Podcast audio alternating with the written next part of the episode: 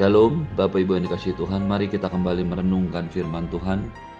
Pagi hari ini diambil dari 2 Yohanes pasal yang pertama ayat 4 sampai dengan 13. 2 Yohanes pasal yang pertama ayat 4 sampai dengan 13. Aku sangat bersuka cita bahwa aku mendapati bahwa separuh dari anak-anakmu hidup dalam kebenaran sesuai dengan perintah yang telah kita terima dari Bapa.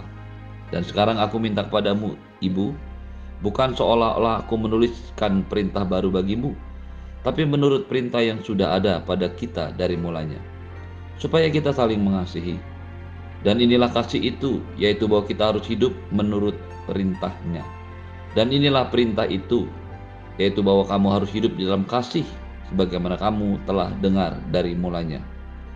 Sebab banyak penyesat telah muncul dan pergi ke seluruh dunia, yang tidak mengaku bahwa Yesus Kristus telah datang sebagai manusia itu adalah si penyesat dan antikristus.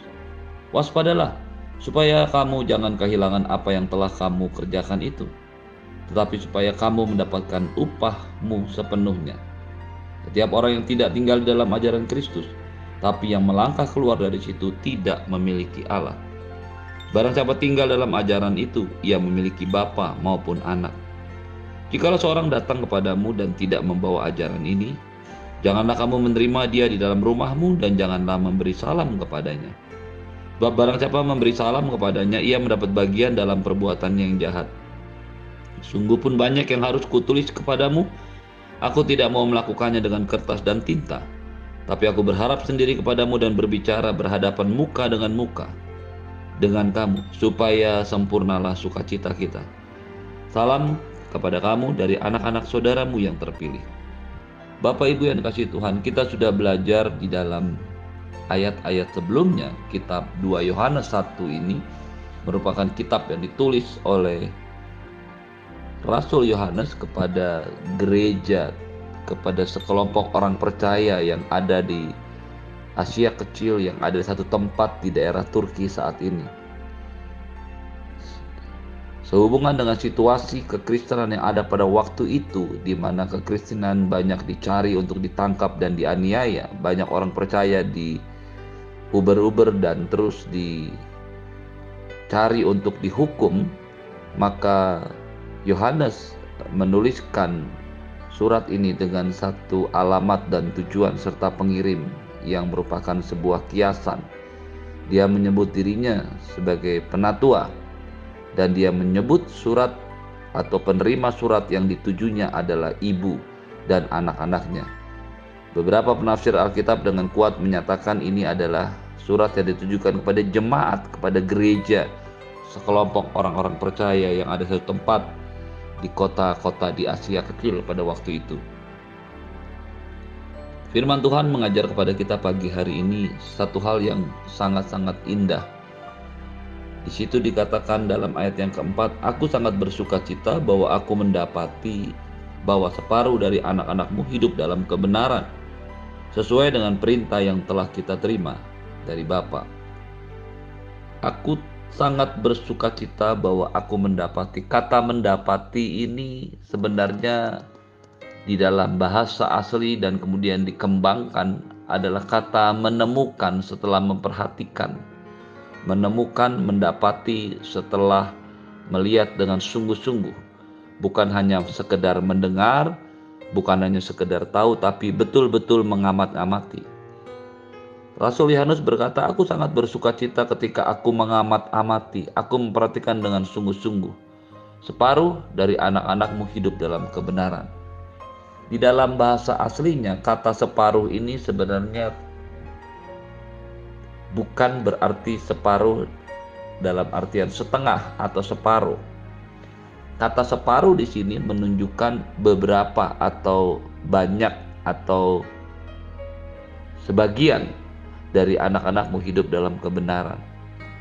Kata ini juga lebih menjelaskan kepada penemuan yang pengamatan yang dilakukan oleh Yohanes terhadap jemaat Tuhan yang ada di kota itu, di tempat itu dia menemukan bahwa jemaat itu, jemaat gereja, jemaat kelompok orang percaya itu, jemaat jemaat persekutuan yang ada di rumah yang biasanya dibuat ibadah.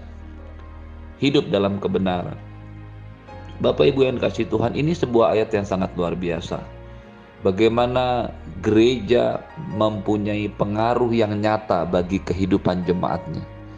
Gereja haruslah menjadi tempat di mana setiap orang mengalami perjumpaan pribadi dengan Tuhan, lalu berubah sesuai dengan pertobatannya, hidup dalam hidup yang baru, karakter yang baru, sifat-sifat yang baru, kekudusan yang baru, kasih yang baru, semua yang baru karena memiliki kehidupan ilahi, benih ilahi di dalam dirinya. Inilah yang dikatakan oleh Yohanes, aku bersuka cita, bahkan sangat bersuka cita ketika aku mengamat-amati, aku memperhatikan, aku mendapati bahwa anak-anakmu, jemaatmu, orang-orang percaya yang ada di situ hidup dalam kebenaran. Gereja yang benar seharusnya membawa setiap jemaatnya hidup dalam kebenaran bukan hanya sekedar berkata-kata, bukan hanya sekedar berkata-kata indah dengan quote-quote yang menarik, bukan hanya sekedar pengajaran-pengajaran yang kelihatannya enak didengar oleh telinga, tetapi sebenarnya tujuan gereja adalah membawa setiap jemaatnya, setiap orang yang melayani, dimulai dari gembala, penatua, pendeta yang ada di situ untuk hidup dalam kebenaran. Pastikan Anda dan saya ada dalam gereja pelayanan jemaat yang mulai dari gembala sampai seluruh hidup sampai seluruh jemaatnya hidup dalam kebenaran. Tentu saja kata ini tidak bisa ditafsirkan bahwa gereja sudah mencapai kesempurnaan. Tetapi paling tidak gereja dimulai dari gembalanya, penatuannya, pemimpinnya sampai seluruh jemaat, pengerja hidup dalam kebenaran, bertumbuh dalam kebenaran, semakin hari semakin menguduskan diri, semakin hari semakin dekat dengan Tuhan, semakin hari semakin benar. Ketika ada maaf, ketika ada gereja yang mengajarkan kepada jemaatnya sesuatu yang keluar dari kebenaran, maka gereja itu sedang kehilangan jati dirinya. Gereja atau pelayanan itu sedang kehilangan dan keluar dari ajaran dasar Kristus apa yang dilakukan oleh Tuhan Yesus, apa yang diajarkan oleh Tuhan Yesus akan membawa setiap Anda dan saya semakin hari semakin hidup benar, semakin hari semakin menguduskan diri, semakin hari semakin intim dengan Tuhan. Ketika Anda dan saya ada dalam jemaat yang seperti itu, maka Anda dan saya pasti akan ada bersama-sama bertumbuh. Saya ingat betul ketika saya masuk dalam sebuah persekutuan dan saya menemukan ada sesuatu yang berbeda di sana yang real, yang nyata, yang tidak pernah saya dapatkan di dalam pelayanan saya sebelumnya, di dalam gereja yang saya ikuti sebelumnya. Di situlah saya belajar tentang merubah kata-kata, merubah tindakan, merubah pikiran, merubah perasaan. Semua proses itu tentu saja terus berlangsung hingga saat ini. Tetapi paling tidak kita berada dalam satu kelompok, dalam satu jemaat yang membawa kita hidup dalam kebenaran. Yohanes berkata, "Aku sangat bersuka cita ketika aku mengamati, mendapati, dan menemukan jemaatmu, anak-anakmu hidup dalam kebenaran." Yang kedua, dan sekarang aku minta kepadamu, ibu, kepada gereja Tuhan, bukan seolah aku, seolah-olah aku menuliskan perintah baru bagimu, tapi menurut perintah yang sudah ada pada mulanya, yaitu supaya kita saling mengasihi. Yohanes mengingatkan kita kembali, firman Tuhan mengajar kepada kita kembali akan sesuatu yang menjadi basic dasar kekristenan, yaitu kasih. Kekristenan adalah kasih Allah kepada manusia dan kasih manusia kepada Allah. Kekristenan dimulai dari kasih Tuhan kepada manusia yang unconditional, yang tidak tergantung pada keadaan kita. Ketika Anda dan saya tidak mencari Tuhan, Dia mencari kita. Ketika Anda dan saya berdosa, Dia mengampuni kita tapi kekristenan juga adalah usaha. Maaf, kekristenan adalah satu tindakan yang menyatakan kasih kita juga kepada Tuhan. Karena Tuhan mengasihi kita, maka kita mengasihi Dia. Karena Tuhan sudah menyucikan diri kita dari semua kesalahan dan dosa, maka sudah seharusnya dan sepatutnya Anda dan saya hidup suci, meninggalkan dosa, dan benih ilahi yang ada dalam diri kita itulah yang akan memimpin kita hidup dalam kebenaran tidak bermain-main dengan dosa, tidak bermain-main dengan pelanggaran, tidak bermain-main dengan kesalahan. Ini adalah kekristenan yang sejati yang diinginkan Tuhan. Ketika Allah mengasihi Anda dan saya, Anda dan saya meresponi kasih Allah dan kemudian mengasihi Dia. Bukan hanya menerima Yesus sebagai Tuhan dan Juru Selamat pribadi, tapi hidup kita mengasihi, kita mengasihi Tuhan. Semakin hari semakin benar, semakin hari semakin kudus, semakin hari semakin dekat dengan Tuhan. Dan inilah kasih itu, yaitu bahwa kita harus hidup menurut perintahnya. Dan inilah perintah itu, bahwa kamu harus hidup di dalam kasih, sebagaimana telah kamu dengar dari mulanya. Jelaslah buat kita perintah untuk hidup saling mengasihi, dan kasih itu adalah menuruti perintahnya. Perintah itu adalah saling mengasihi. Apa sebenarnya yang dimaksudkan oleh Yohanes ini? Kasih yang harus dinyatakan kepada saudara-saudara kita, kasih yang harus dinyatakan kepada Tuhan, haruslah berdasarkan perintahnya atau firmannya. Inilah kasih. Kita harus hidup menurut perintahnya. Kasih kita kepada Tuhan bukan hanya sekedar diucapkan dalam mulut, tapi juga diteruskan, diterapkan dalam hidup kita sehari-hari. Apakah Anda dan saya mengasihi Tuhan? Kalau Anda dan saya mengasihi Tuhan, tentulah kita juga mengasihi firman-Nya. Tentulah juga kita senang membaca, merenungkan, mempelajari firman Tuhan. Ketika Anda dan saya mengasihi saudara-saudara seiman kita, saudara-saudara yang Tuhan tetapkan dalam hidup kita, tentulah nyata tindakan kita. Tidak mungkin ada orang yang mengasihi tetapi sekaligus juga membicarakan kelemahan keburukannya di belakang. Tidak mungkin orang saling mengasihi tapi tidak memperhatikan. Tidak mungkin kita saling mengasihi ketika melihat saudaranya kekurangan dan kita tidak melakukan apa-apa. Tidak mungkin kita saling mengasihi kalau kita tahu ada kata-kata yang menyakitkan saudara kita dan kita tidak menyelesaikannya dengan meminta maaf. Kasih harus menurut perintahnya dan perintahnya adalah kasih. Kasih yang kita berikan harus sesuai dengan firman Tuhan. Kita tidak boleh mengasihi di luar perintahnya. Tetap dalam perintahnya, tetap dalam koridor kekudusan, tetap dalam koridor penghormatan kepada firman Tuhan. Karena firman Tuhan itulah penuntun hidup kita.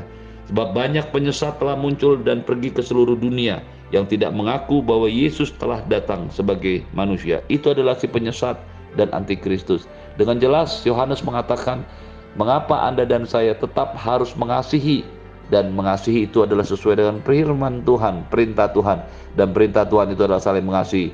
Kalau Anda dan saya tidak berdiri dalam kebenaran, kasih kita di luar kebenaran dan kebenaran yang kita hidupi tidak ditunjukkan dengan kasih, maka ada sesuatu yang berbahaya yang sedang terjadi. Ada banyak penyesat yang telah pergi ke seluruh dunia dan menyesatkan banyak orang. Beberapa kali saya menemukan bahwa penyesatan-penyesatan yang dilakukan mempunyai pola yang sama, mempunyai guideline yang sama, petunjuk yang sama. Cara mereka menyajikan, cara mereka menyampaikan, semua persis sama dan itu dilakukan oleh roh yang sama, yaitu roh antikristus dan roh penyesat. Waspadalah, Anda dan saya tidak bisa bermain-main. Anda dan saya harus berhati-hati anda dan saya harus mengerti dasar-dasar kebenaran firman Tuhan, bukan berdasarkan doktrin, tapi murni firman Tuhan. Ayat firman Tuhan harus telah dijelaskan dengan ayat, bukan dengan pengertian, bukan dengan konsep, bukan dengan doktrin yang kita pegang. Ketika Anda dan saya mempelajari firman Tuhan dengan kemurnian hati, mempelajari firman Tuhan dan menemukan ayat-ayat yang kurang kita mengerti, maka ayat-ayat itu haruslah kita dapatkan pengertiannya dari ayat-ayat yang lain, bukan dari tujuan atau keinginan orang yang ingin menafsirkan ayat itu. Waspadalah supaya kamu jangan kehilangan apa yang telah kami kerjakan, apa yang Yohanes telah kerjakan, membuat mereka percaya kepada Yesus. Mereka tidak kehilangan itu. Ayat ini juga menjadi satu kebenaran buat kita bahwa bisa saja ada orang yang karena tidak memiliki dasar pengetahuan firman Tuhan yang kokoh dan kuat, satu kali mereka disesatkan. Dan kalau itu terjadi, mereka akan kehilangan apa yang telah mereka peroleh. Setiap orang yang tidak tinggal dalam ajaran Kristus tapi melangkah keluar dari situ tidak memiliki Allah. Barang siapa tinggal dalam ajaran itu, ia memiliki bapa atau anak dan anak.